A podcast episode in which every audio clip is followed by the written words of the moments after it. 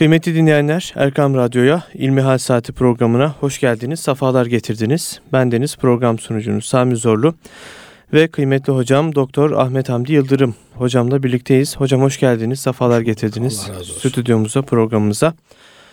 Kıymetli dostlar, sizlerden gelen soruları kıymetli hocamız Doktor Ahmet Hamdi Yıldırım cevaplandırıyor sizler için. Hocam birinci sorumuz, imamsız cenaze namazı kılınabilir mi? Demiş bir dinleyicimiz. Buyurun efendim. Elhamdülillahi Rabbil alemin ve salatu ve selamu ala Resulina Muhammedin ve ala alihi ve sahbihi ecmain. Cenaze namazı vefat etmiş olan Müslümanın arkasında bıraktığı Müslümanlar tarafından vefat eden Müslümana yönelik yapılan bir dua mahiyetindedir. Burada asıl olan ölmüş olan Müslümanın cenaze namazının bir Müslüman tarafından kılınmış olmasıdır. Bu namaz farz bir namazdır. Fakat farz ibadetlerimizi ayni farz olanlar, kifai farz olanlar diye, farz-ı ayın, farz-ı kifaye diye iki grupta mütalaa ediyoruz.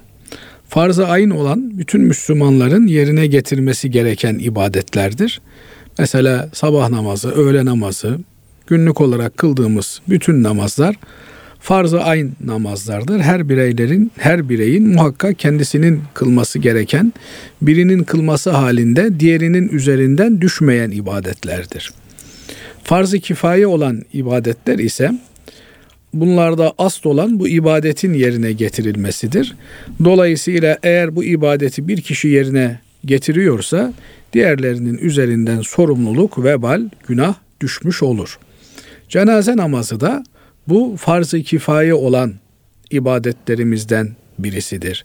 Binaenaleyh bir kişi cenaze namazını kılarsa bu farziyet düşmüş olur. Diğerleri kılarlarsa ne ala kılmazlarsa onların bir günahı olmuş olmaz. Kaldı ki Hz. Peygamber aleyhissalatu vesselam Efendimizin cenaze namazını kim kıldırdı, imam kimdi diye soracak olsam hı hı.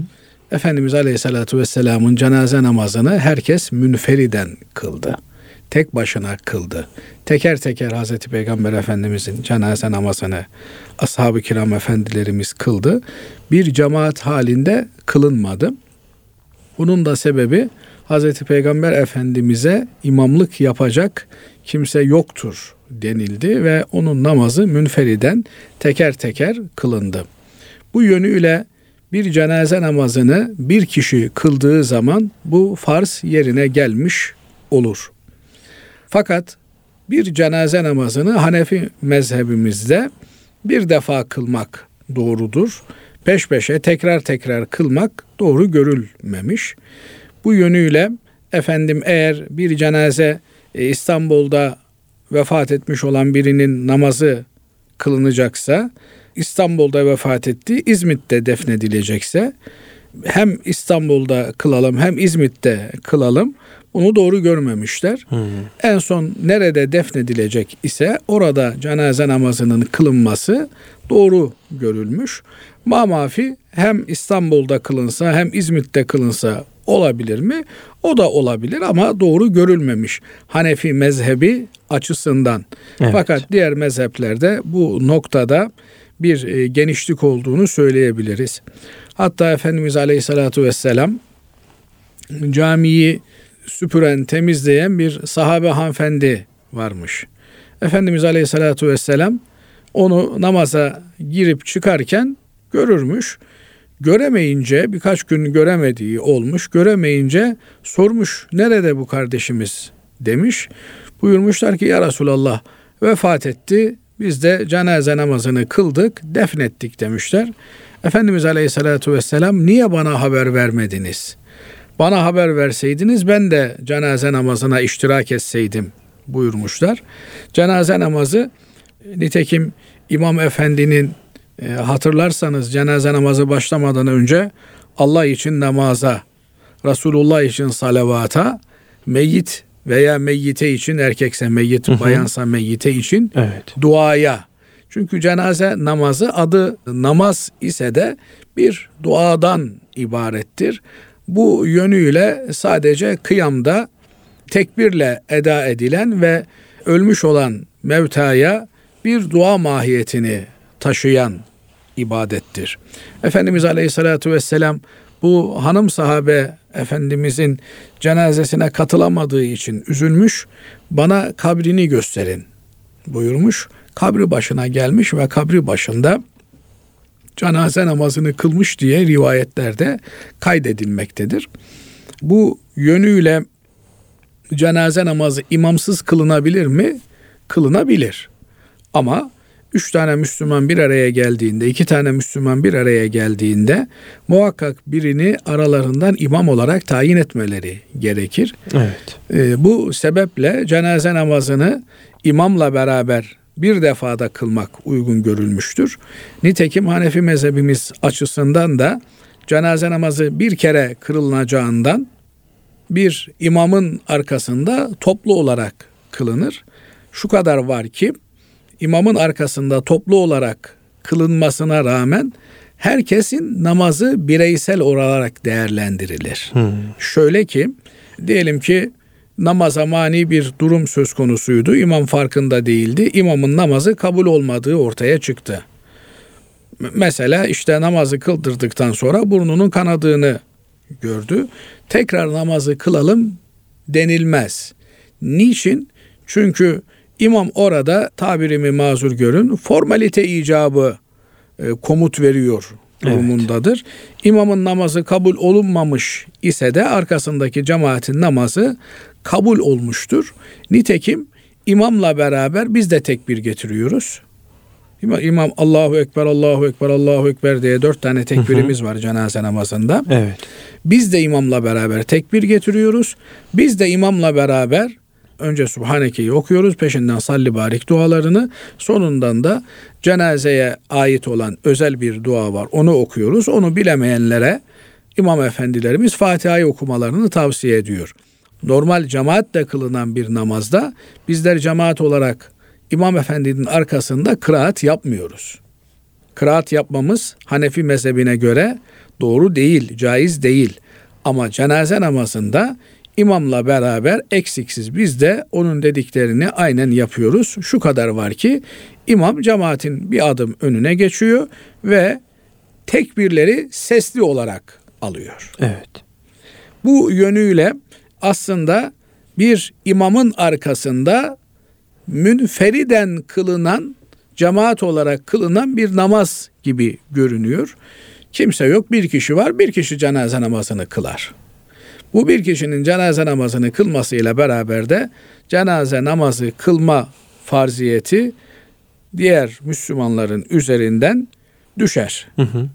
Ama az önce de ifade ettiğim gibi bir cenazeye bir namaz kılmak gerektiğinden dolayı eğer birden fazla kimse varsa bunların cemaat halinde bir imamın arkasında bir imamın komutlarıyla beraber başlayıp beraber imam efendiye e, ittibaen namazı kılmaları daha uygun ve daha doğrudur. Evet. Peki hocam gıyabi cenaze namazları kılınıyor. Bunda da aynı durum geçerli midir? E, gıyabi cenaze namazını Efendimiz Aleyhisselatü Vesselam e, Habeşistan'ın adil kralı Necaşi için kılmış. Binaenaleyh gıyabi cenaze namazını kılınır diyen alimlerimiz olmuş diğer mezheplerde. Fakat Hanefi mezhebimiz açısından bir kimsenin cenaze namazını kılabilmek için o cenaze namazının cemaatin önünde cenazesi kılınacak olan kişinin e, bedeninin, cesedinin, e, tabutunun imamın önünde, cemaatin önünde bulunmasını şart koşmuşlar. Buna göre gıyabi cenaze namazını kılmak Hanefi mezhebi açısından uygun değil. Hmm. Ama diğer mezheplerimizde gıyabi cenaze namazları var. Özellikle de hakikaten böyle bütün ümmete mal olmuş şahsiyetlerin cenaze namazları e, gıyaben de olsa bir takım e, büyük camilerimizde cemaatin e, sonunda kılınabilir diğer mezheplere taklit etmek suretiyle. Evet. Fakat Hanefi mezhebimiz açısından bu uygun görülmemiş. Bunun da sebebi e, az önce ifade ettiğimiz bir cenazenin bir kere namazı kılınır meselesine odaklanıyor.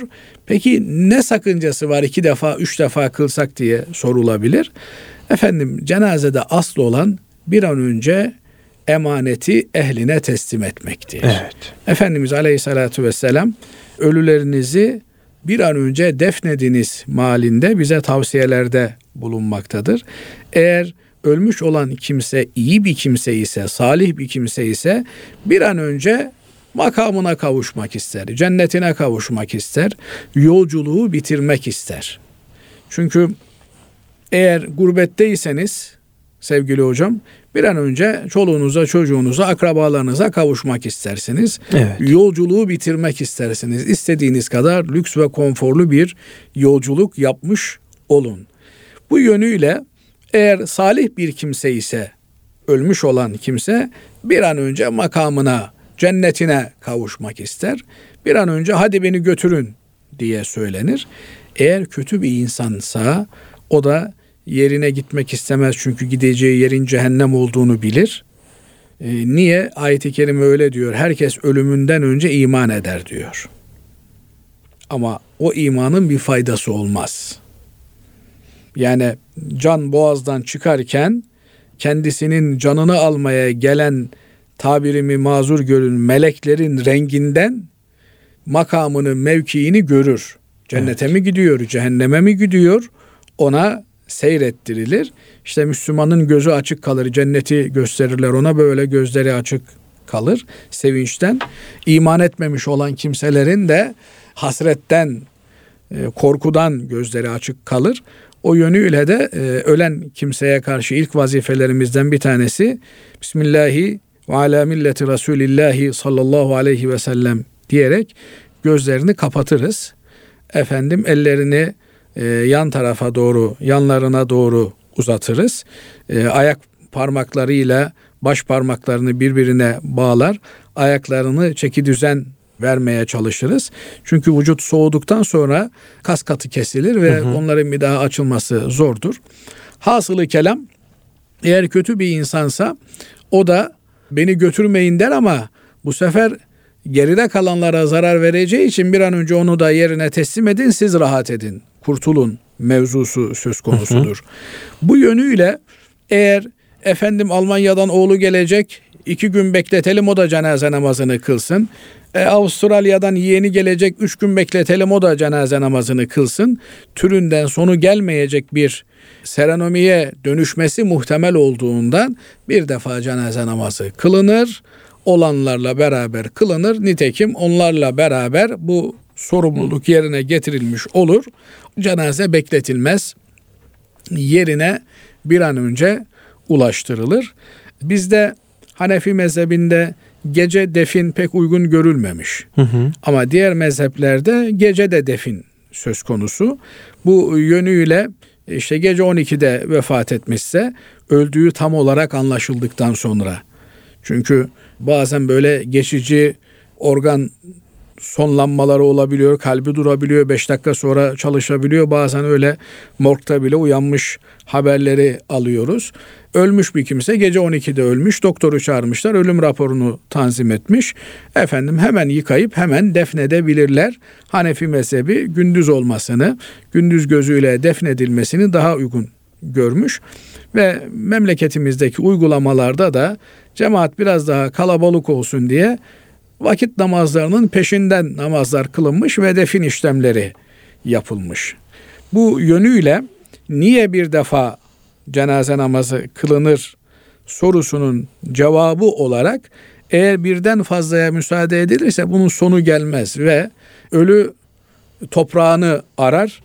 Onu toprağından ayrı koymak doğru değildir.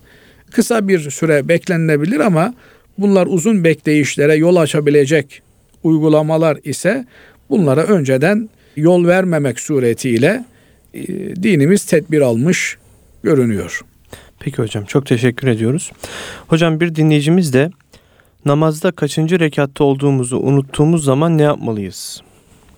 Tabii yani bu çok vahim bir durum, çok hı hı. E, tehlikeli bir durum. Hepimizin başına gelen bir durum ama Bu gösteriyor ki demek ki namazı biz namaz gibi kılamıyoruz. Yani Evet, namazı maalesef. namazın e, haricindeki her şeyle meşgul olarak eda ediyoruz, yerine getiriyoruz.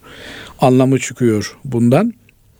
Ben kendim e, açımdan söyleyecek olursam namaz kılmamanın verdiği rahatsızlık sebebiyle sanki namaz kılıyormuşum gibi görünüyor. Şöyle izah edeyim. Eğer sabah namazını kılamamış, kaçırmışsam o gün işte e, günümün tadı tuzu olmuyor. Bir e, sıkıntı, bir dert, bir keder üzerimi e, kaplıyor. Dolayısıyla bir namaz vaktini kılamama tedirginliği, korkusu, endişesi sebebiyle namazı kılıyorum, eda ediyorum. Bir yönüyle işte namazı kılmazsan cehenneme girersin. Cehennem korkusu ağır basıyor. Ama gönül şunu arzu ediyor Sami kardeşim.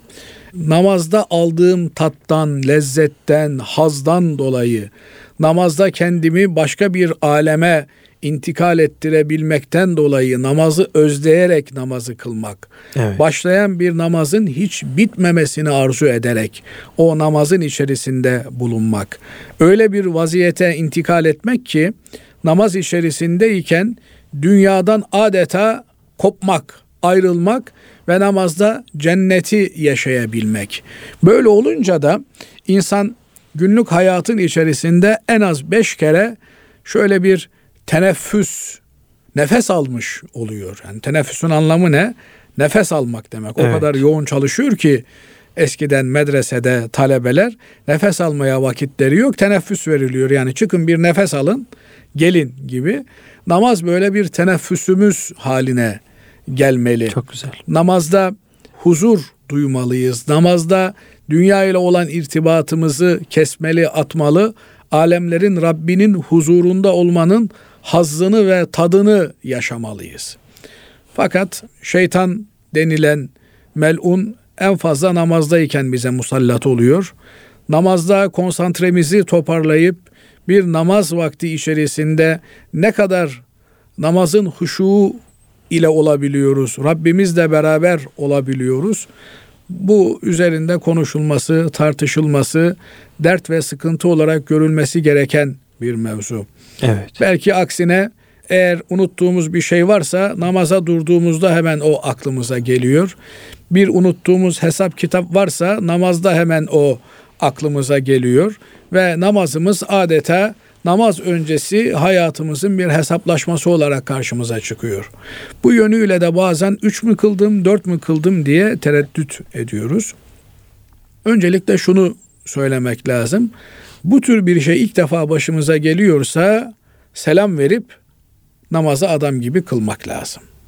İlk defa geliyorsun İlk başımıza. defa geliyorsa yani veya işte ne bileyim 6 ayda bir, 7 ayda bir, senede bir başımıza geliyorsa burada selam verip estağfurullah deyip namazı adam gibi tekrardan kılmak lazım.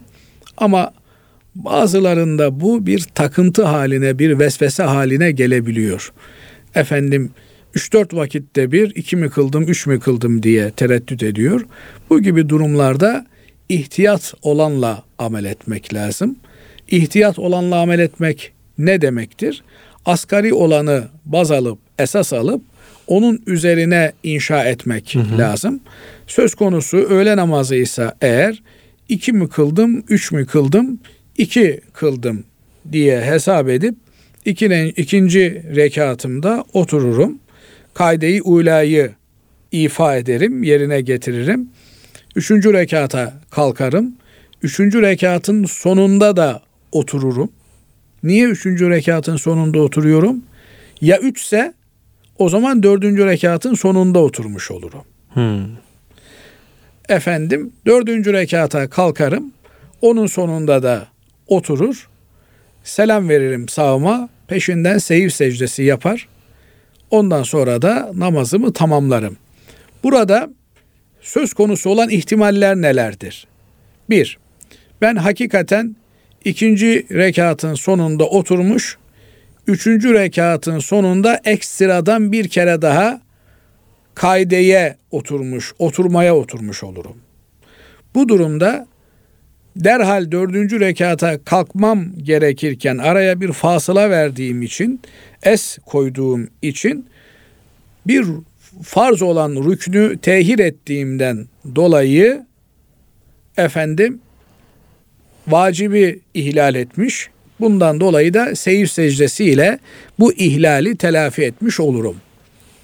Ben iki diye düşündüm oturdum. iki değil de üç ise o zaman yine üçüncü rekatta fazladan oturmuş oldum.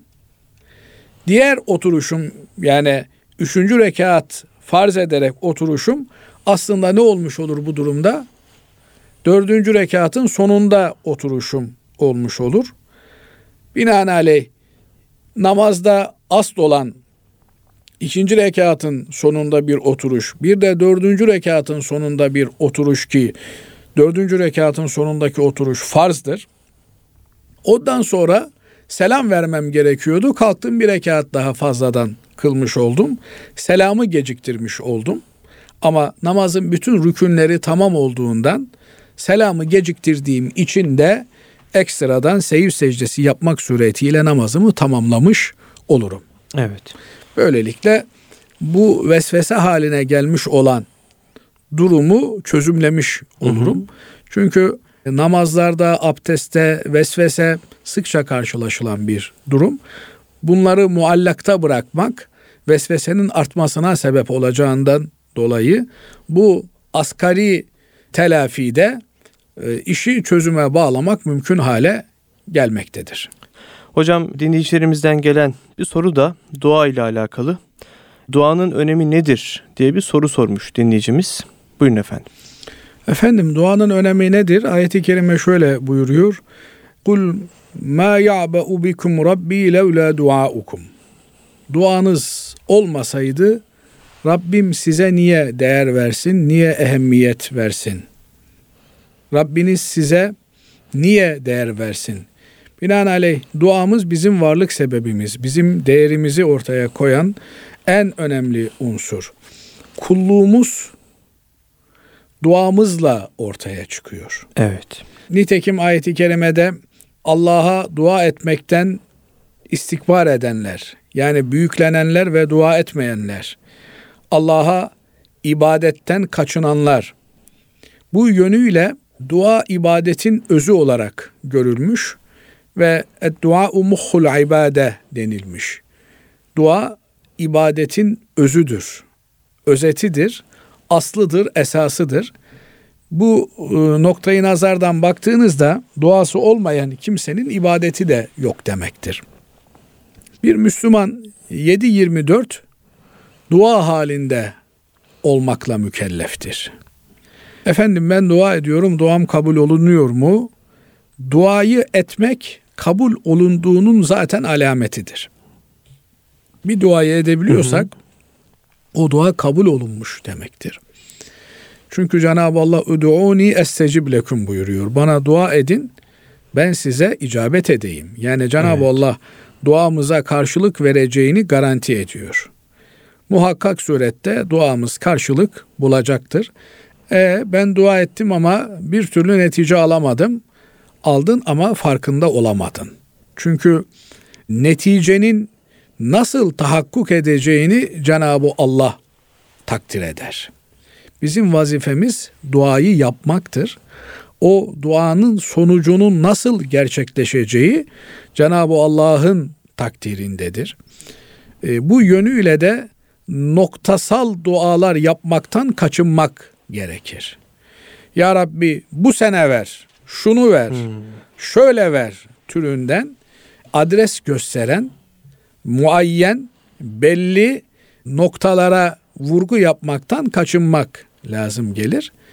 Buna değil de Allah'ım bana hayırlısını ver şeklinde her şeyin hayırlısını istemek lazım. Mesela işte imtihan dönemi bu dönemler e, çocuklarımız birinci dönemin final imtihanlarını yaşıyorlar. Allah'ım imtihanlarımda iyi sonuçlar alayım, yüksek sonuçlar alayım, yüz alayım şeklinde dua etmek yerine Allah'ım hayırlı sonuçlar nasip et. Evet. Allah'ım hayırlısını lütfet diye duada ve niyazda bulunmak lazım. Niye? Böyle dua ettiğimiz zaman duamızın neticesini daha rahat görme imkanına sahip oluruz. Söz gelimi ben Allah'ım bana hayırlı notlar, hayırlı neticeler ver diye dua ettim. İmtihandan 50 almam gerekirken 20 aldım. Bu sefer şöyle düşünürüm. Demek ki 20 almam hayırlıymış. Eğer bu 20 almam neticesinde dersimden düşük almış olduğum görünse de bu beni daha fazla çalışmaya sevk edecek. Bu konu bende daha iyi pekişecek demektir. Ama ya Rabbi 100 alayım diye dua ettiğimde 99 aldığımda Aa, benim duam kabul olunmadı diye kendi kendime olumsuz negatif bir terkinde bulunmaya başlayacağım ki bu duadan beklenen faydadan çok kişiye zarar getirir bir olaydır. Allah rahmet eylesin. Merhum hocam Mehmet Eminer Efendi ile bir e, haç ziyaretinde Allah nasip etti. Hocamla beraber aynı odayı paylaştık. Kendisini ziyarete gelen ve hastaları için dua isteyenlere Allah'ım hayırlı şifalar ver diye dua ederdi. Evet. Bir defasında Mekke'nin eşrafından e, bir kimse kardeşi kanser hastalığına yakalanmış. Onun için dua istediğinde Hoca efendi dedi ki hiç unutmuyorum Allah'ım hayırlı şifalar lütfetsin. Efendim şifası için dua edin filan diye tekrar ettiler. O yine Allah'ım hayırlı şifalar, hayırlısıysa şifalar lütfetsin diye söyledi. Evet. Peşinden de şunu ekledi. Şifa evet vücudun afiyete kavuşması demektir. Ama Cenab-ı Allah dünyada hastalık gören, dünyada sıkıntı çekenler için ahirette mükafatlar hazırlar. Bazen mükafat tamamlanmadan şifa yap olursa kişi o mükafatı eksik kalır. Kıyamet gününde eksiği görünce keşke ben dünyada o imtihanı, o belayı daha uzun süre yaşasaydım da buradaki mükafatımda eksilme olmasaydı diye temenni edeceğinden dolayı Müslüman ahiret endeksli olaylara bakmakla yükümlüdür. Biz bazen dünyalık olarak yaptığımız duaların cevabını dünyada değil ahirette daha muhtaç olduğumuz zamanlarda alırız. Bu yönüyle az önce de ifade ettiğimiz gibi hiçbir dua boşa çıkmaz. Mutlak surette dua karşılığını bulur. Nitekim duanın karşılığını bulduğunun en büyük göstergesi, alameti de duanın bizzat kendisidir. Fakat duayı yaparken Efendimiz Aleyhisselatü Vesselam buyuruyor ki duayı yüzde yüz kabul olacağını bilerek ve bekleyerek yapınız. Nasrettin Hoca'nın göle maya çalması gibi ya tutarsa diye dua yapmak doğru bir tarz değil. Çünkü Cenab-ı Allah kadiri mutlaktır. Cenab-ı Allah'ın gücü ve kudreti her şeye yeter. Sonsuz kudret ve ilim, hikmet sahibidir biz kendi çapımızda dua etmek yerine Cenab-ı Allah'ın zenginliği, lütfu, ikramı ve ihsanına göre dua ve talepte bulunmalıyız. Onun için Efendimiz Aleyhisselatü Vesselam cenneti istediğinizde en yükseğini, Firdevs cennetini isteyiniz diyor. Evet. Niye? Çünkü biz e, kendi amelimize göre isteyecek olsak hiçbir şey istemeye, bir yudum suyu bile istemeye yüzümüz olmaz. Ama karşımızdaki dua ettiğimiz zat alemlerin Rabbi olan yüce Allah olunca onun zenginliğine göre ondan istemek lazım gelir. Onun zenginliğinin sınırı hududu olmadığı için de büyük düşünmek, büyük şeyler istemek lazım. Ve az önce yine bahsettiğimiz gibi hayır olan şeyleri istemek lazım. Efendimiz Aleyhisselatü Vesselam bir hastayı ziyarete gidiyor. Amansız ağrılar çeken bir hasta. Efendimiz buyuruyor ki sen ne yaptın da diyor böyle amansız hastalıklara maruz kaldın, düçar oldun. Diyor ki ya Resulallah ben Rabbimden ahirette bana vereceği azabı dünyada versin de ahirette bana azap etmesin diye dua ettim diyor. Evet. Efendimiz Aleyhisselatü Vesselam da o zaman işte ondan çekiyorsun diyor. Sen ona tahammül edebilir misin? Niye dua ederken Rabbena atina fid dünya haseneten ve fil ahireti haseneten ve qina azaben nar demedin. Ey Rabbimiz dünyada da bize güzellik ver, iyilik ver, kolaylık ver, hayır ver. Ahirette de güzellik ver. Cehenneminin azabından bizleri koru. İşte bu tavsiye gösteriyor ki her şeyin iyisini, güzelini ve hayırlısını istemek lazım. Evet. Kesinlikle hani manidar bir söz vardır. Dua'u müvekkelun bil mantıkı diye.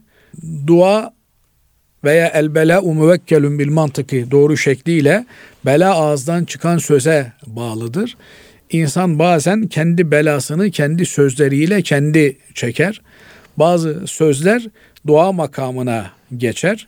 Mesela anne baba çocuğuna kızar genelde anneler yapar Allah senin belanı versin arabanın altında kalasın inşallah gibilerinden laflar ederler. Saatine denk gelir Allah muhafaza etsin. Ondan sonra feryadu figanlar arşa kadar yükselir. Ama nafile bir faydası olmaz. Duayı kesinlikle hafife almamak lazım. Hı hı. Dua ağızdan çıkan bir ok gibidir o ok hedefine ulaşmadan geriye dönmez. Dolayısıyla mutlak surette ağızdan çıkan dua hedefine ulaşır. Beddua da böyledir. Beddua kötü dua demektir, lanet hı hı. demektir. O da hedefine ulaşır. Fakat eğer hedef onu hak etmeyen bir hedefse o zaman döner, dolaşır, kendi sahibine bumerang gibi saplanır. Bu yönüyle ağzımızı hayra alıştırmalı. Hayır şeyler Cenab-ı hı hı. Allah'tan istemeye gayret etmemiz gerekir. Bir de tabi duası kabul olunacak bir ağza sahip olmak gerekir. Çok güzel. Evet. Efendim anlatılır ki adamcağızın birinin başı ağrıyormuş. Gel demiş bir başkası senin başına Fatiha-i Şerife'yi okuyayım. Başın iyileşir demiş. Okumuş İyileşti mi başın demiş. Yok iyileşmedi demiş. Senin başın yalan söylüyor kardeşim demiş. Ben gördüm. Hazreti Ömer başı ağıran bir kimseye Fatiha-i Şerife'yi okudu. Adamın başı da iyileşti. E Fatiha aynı Fatiha demiş. Ben de okudum. Senin başın niye iyileşmiyor? Adamcağız dönmüş demiş ki azizim demiş Fatiha aynı Fatiha da Ömer'in ağzı nerede demiş. Ya. Evet. Şimdi e, Efendimiz Aleyhisselatü Vesselam buyuruyor ki üstü başı pecmurde saçı sakalı toza toprağa bürünmüş bir adam Allah'a ellerini kaldırıyor, yalvarıyor, dua ediyor. Duası kabul olunmuyor. Oysa garip bir adam, oysa yolcu bir adam anlatılanlardan anladığımız kadarıyla bu kimsenin duasının kabul olunması lazım. Niye kabul olunmuyor? Efendimiz diyor ki fe enna yüstecabule nasıl duası kabul olsun ki? Yediği haram, içtiği haram, haramdan beslenmiş, giydiği haram, haram evet. gıdalarla yoğrulmuş olan bir bedenin, bir ağzın yaptığı dua kabul olur mu? Duanın kabul olunmasının en olmazsa olmaz şartı helal gıdalarla beslenmiş bir dile sahip olmaktır. Bu yönüyle Müslümanın bir başka Müslümanın arkasından yaptığı dua makbuldür. Mesela Sami hocam ben sizin arkanızdan size bir duada bulunsam ben sizin adınıza bir günah işlemedim. Ben sizin adınıza bir haram yemedim. Hı hı. Binaenaleyh size dua ederken benim dilim tertemiz bir dildir ve helal bir dildir. O yönüyle size yaptığım dua kabul olur. Kaldı ki ben bir kardeşimin arkasından, gıyabından ona dua yaptığımda Cenab-ı Allah Hazreti Peygamber Efendimiz öyle bildiriyor. Bir melek gönderir ve der ki Allah da sana kardeşin için yaptığın duanın iki katını versin. Evet. Ben şimdi diyorum ki çocuğunuzla ilgili şikayetiniz mi var? Bu şikayetinizin çözülmesini mi istiyorsunuz? Komşunuzun çocuğu için Allah'a dua edin, yalvarın, yakarın. Müslümanların çocukları için Allah'a dua edin. Kendi çocuğu için dua edersen bir ok atarsın. Ama komşunun çocuğu için dua edersen Cenab-ı Allah bir melek gönderir tertemiz ak pak bir melek o da senin çocuğun için senin yaptığın duanın iki katını yapar. Dolayısıyla kendi çocuğuna dua yapacak olsan bir ok atmış iken başkasının çocuğuna yaptığın duanın senin çocuğuna olan tesiri binler on binler ok olarak döner.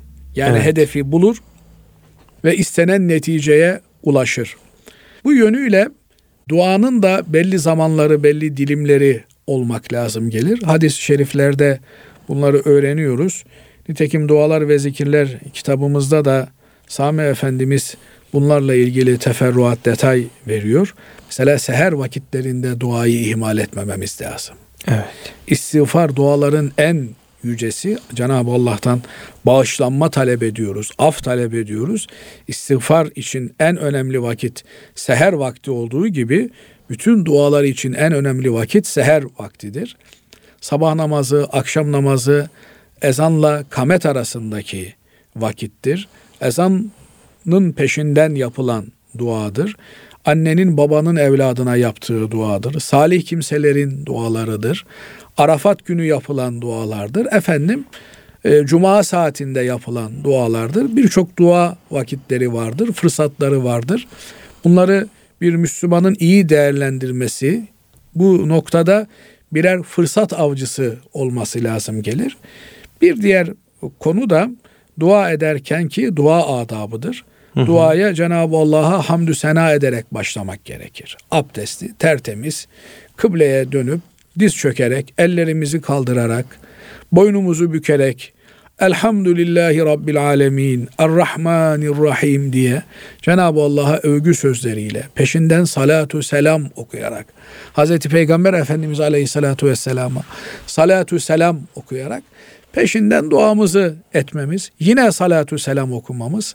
Çünkü iki salatu selam arasındaki duanın kabul olacağını Efendimiz söylüyor. Evet. Kaldı ki bir defasında sahabe efendilerimizden biri geliyor ya Resulallah diyor. Ben dua ederken size de salatu selam okuyorum. Efendimiz diyor ki ne kadar çok yaparsan o kadar iyi.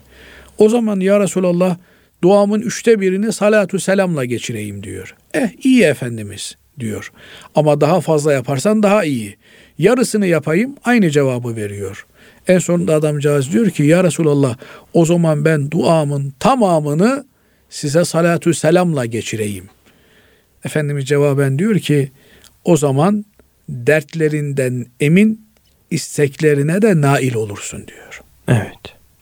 Yani şerlerden korunmuş, hayırlara da ermiş olursun. Niçin? Çünkü salatu selam Cenab-ı Allah'ın meleklerle beraber peygamberimize yaptığı şeylerden bir tanesi. Ne diyor Cenab-ı Allah? İnna Allah ve melaiketehu yusallun alen nebi. Şüphesiz Allah ve melekleri peygambere salat ediyorlar. Ey iman edenler siz de salat ve selam ediniz. Bu ayet okunduğu zaman salatu selam getirmek farz. Allahumme salli ve sellim ala seyyidina ve nebiyyina Muhammedin ve ala alihi ve sahbihi ecmain. Sen de Sami hocam salatü selam getirmen farz. Sen de salatü selam hı getireceksin. Bu ayet münasebetiyle dinleyenlerimiz de salatü selam hı hı. okuyacaklar. Demek ki Cenab-ı Allah'la ortak yaptığımız bir iş peygambere salatü selam okumak. Peygambere salatü selam okumak peygamber efendimize dua etmek anlamına da geliyor. Nasıl bir Müslümanın arkasından dua ettiğimizde Cenab-ı Allah bir melekle iki katı senin olsun diyor. Peygambere yaptığımız dualarda bu iki kat on kata çıkıyor. Onun için Efendimiz diyor ki bana bir salatu selam okuyana ben on salatu selam okurum. Yani biz bir dua ediyoruz Peygamber Efendimiz'e o bize on dua ediyor. Ve biz Sami kardeşim ne isteyeceğimizi de bilmiyoruz. İhtiyacımızın ne olduğunu bilmiyoruz. Zannediyoruz evet, ki ihtiyacımız maalesef. işte son model bir araba, işte şöyle lüks bir ev, şu kadar para, bu kadar şey. Ama bakıyorsun 2-3 gün sonra bunların hiçbir ehemmiyeti kalmıyor. Dolayısıyla neyi ihtiyaç isteyeceğimizi bile bilmiyoruz. Belki böyle bir e, konuyu gündem yapmak lazım. Allah'tan ne istenir? Evet. Sahabe-i kiram efendilerimiz ne istemişler? Peygamberler Allah'tan ne istemiş? Bu yönüyle de şöyle güzel bir dua var. Diyor ki Ya Rabbi Hazreti Peygamberin senden neyi istemişse ben de senden onu isterim. Evet. Hazreti Peygamber'in senden neyden sığınmışsa ben de sana o şeylerden sığınırım diye böyle özlü bir dua var. Cenab-ı Allah dualarımızda hayırlı dualar yapabilmeye bizleri muvaffak eylesin. Amin. Allah razı olsun hocam. Çok teşekkür ediyoruz. Hocam bir dinleyicimiz de bizim daha doğrusu Basri Bey'le yapmış olduğunuz diğer programlardan yola çıkarak bir soru sormuş. Ee, Ahmet Hamdi Yıldırım hocamızın bir programında bankaya gidip fiziken altın istediğimde karşılığını veriyorsa sorun yok ama vermiyorsa olay sanal olur ve caiz olmaz demişti. Peki banka fiziki teslim için belli bir kota koyarsa durum nedir acaba demiş dinleyicimiz. Şimdi e, Hazreti Peygamber aleyhissalatü vesselam Efendimiz bir hadis-i şeriflerinde şöyle buyuruyor. اَذَّهَبُ بِالذَّهَبِ وَالْفُضَّةُ بِالْفُضَّةِ yeden biyedin mislen bi mislin. Hatta bu e, tür hadislere müteselsil hadis diyoruz biz hadis literatüründe. Nedir müteselsil hadis? Hadisi rivayet ederken Hazreti Peygamber Efendimizin yaptığı hareketi de yapmak. Efendimiz bu hadisi anlatırken illa yeden bir yedin diye böyle el hareketi yapıyor. Yani bir hı hı. elinle veriyorsun öbür elinle alıyorsun gibilerinden.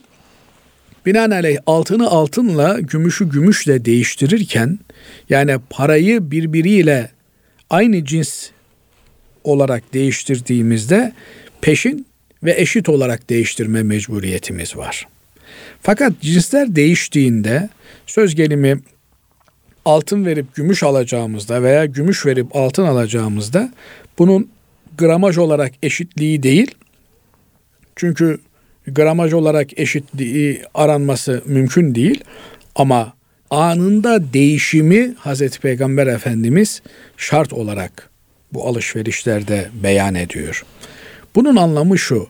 Ben kuyumcudan gidip altın aldığımda altınımı alırım karşılığında borcum olan Türk lirasını ücretini fiyatını öderim. Hı hı. Altındı, gümüştü, paraydı türünden şeyler veresiye satılmazlar. Efendim bugün e, 10 gram altın aldım kuyumcudan. Abi haftaya öderim ben sana veya bir ay sonra öderim sana şeklinde bir ticaret altın ve gümüş ile olmaz. Şimdi buradan hareketle bu genel kuraldan hareketle eğer biz bankadaki hesabımızdan internet üzerinden bir altın alıyorsak veya para bozduruyorsak mesela para bozdurduğumuzu düşünelim. 100 lira bozdurduk karşılığında efendim 28 dolar aldık 25 dolar aldık neyse aldığımız bu dolar nereye geçiyor? Bizim hesabımıza otomatik olarak geçiyor ve görünüyor. Hı hı. Aynı şekilde aldığımız altın da hesabımıza altın olarak geçiyor ise burada anında bir değişim. Elden eleden maksat anında bir değişimin olmasıdır. Yoksa fiziken bir el burada söz konusu değil bugün için olamaz. Hı hı. Ama hesaba geçmesi anında gerekir. Hatta bu o kadar eş zamanlıdır ki alışverişi yapsanız da internetten onaylamasanız bir dakika sonra kurlar değişmişse hemen tekrar sizi bir önceki ekrana havale eder. Burada saniyeler bile önemlidir. Evet. Fakat siz atıyorum 36 gram aldınız. Eğer bunu istediğiniz zaman çünkü bu sanal alemdeki hesaplarımızın fiziki alemde yani reel e, dünyada bir karşılığının olması lazım. Yoksa altına endeksli bir borçlanma söz konusu olur ki altına endeksli borçlanma caiz değil. Ne demek bu? Efendim ben bugün size 10 bin dolar borç verdim. 10 bin dolar ne yapıyor? İşte 100 gram altın yapıyor. 6 ay sonra 100 gram altın ne yapıyorsa ben sizden onu alırım. Hayır. Altın verdinse altın alırsın. Lira verdinse lira alırsın. Herhangi bir şeye endeks deyip de vermediğin şeyi talep edemezsin. Endeks diyeceğini altın olarak ver. Hı hı. Bu manada eğer sizin hesabınıza altın olarak geçen bu şeyin bankadan istediğiniz zaman fiziken alınması söz konusu değilse o zaman adam size altın satmış olmuyor. Ne oluyor? Altına endeksli para satmış oluyor. Bu da caiz değil. Yani siz 6 ay sonra gittiniz diyelim ki ben 36 gram almıştım. 36 gramımı ver dediniz. Efendim biz gram olarak veremiyoruz size ama bugün 36 gram kaç lira yapıyorsa onu verebiliriz. Hı hı. Olursa bu altına endeksli bir işlem olmuş olur. Bu yönüyle mutlak surette bunun bankada bir karşılığının olması gerekir. He, banka size şunu söyleyebilir. Bana bunu önceden haber verin ben ona göre tedarik edeyim. İşte ana e, şeyden getireyim, şuradan getireyim, buradan getireyim.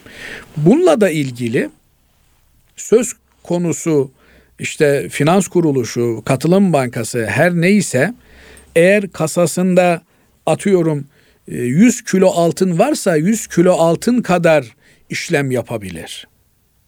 Nasıl olsa sanal ben buradan vermiyorum diye 100 kilo altını yokken 150 kilo altın satarsa haram bir işlem yapmış olur. Evet.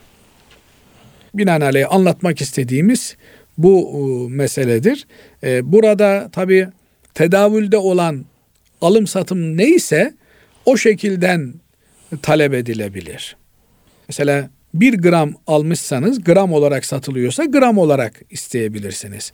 Ama ben işte 3 santimlik aldım 3 santimlik ver bana. E, 3 santimlik yoksa tedavülde adam size diyebilir hak, haklı olarak hı hı. kardeşim bunu ben gram olarak satıyorum gram olarak veriyorum. Evet.